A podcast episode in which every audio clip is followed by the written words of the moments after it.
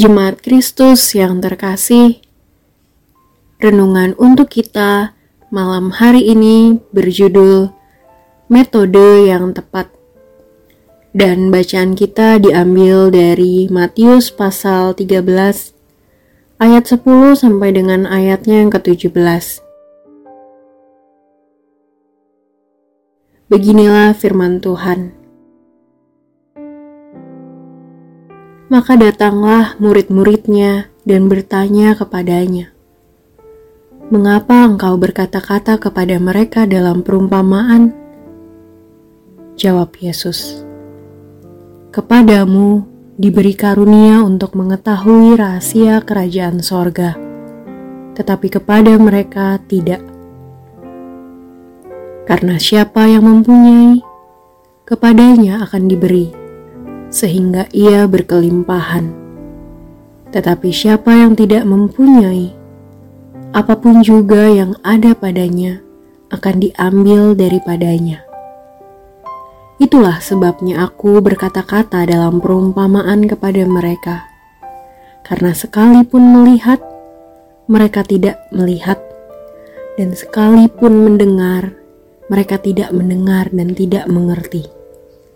Maka pada mereka genaplah nubuat Yesaya yang berbunyi, Kamu akan mendengar dan mendengar, namun tidak mengerti. Kamu akan melihat dan melihat, namun tidak menanggap.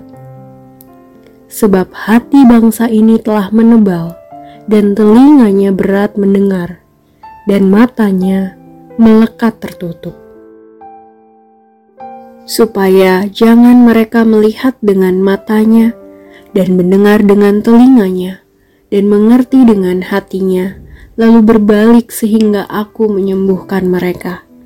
Tetapi berbahagialah matamu karena melihat dan telingamu karena mendengar, sebab aku berkata kepadamu, sesungguhnya banyak nabi dan orang benar ingin melihat apa yang kamu lihat, tetapi tidak melihatnya dan ingin mendengar apa yang kamu dengar, tetapi tidak mendengarnya. Mengutarakan sesuatu kepada seseorang atau kelompok selalu membutuhkan metode yang tepat. Ada beberapa hal yang harus kita perhatikan, antara lain latar belakang, baik pendidikan, budaya, dan bahasa lalu momen yang tepat menjadi beberapa hal penting yang harus diperhatikan. Kristus mengetahui betul tentang hal ini. Dan kita melihat banyak pengajaran yang diberikan Kristus kepada banyak orang menggunakan perumpamaan, karena ada beberapa hal yang dipertimbangkan dan kita melihat landasannya dalam bacaan kita malam hari ini. Kristus menunjukkan adanya keterbatasan yang dimiliki oleh banyak orang pada waktu itu. Sehingga, bila Kristus mengatakan sesuatu secara to the point, maka kemungkinan besar pesannya tidak akan pernah sampai. Keterbatasan mereka berasal dari kondisi hidup mereka yang sedang terguncang karena penindasan yang mereka alami. Banyak orang sedang terlalu fokus dengan kondisi hidup yang ingin mereka ubah, sehingga tanpa sadar mereka hanya mau mendengar yang melegakan telinga saja.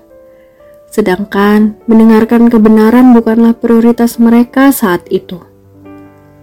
Oleh karena itu, Kristus menggunakan ilustrasi agar mereka berpikir ketika mendengar dan tersentak dengan fakta yang tersembunyi dalam ilustrasi tersebut. Dan pada akhirnya pesan Kristus akan lebih menancap dalam hati dan pikiran banyak orang. Metode adalah hal yang penting.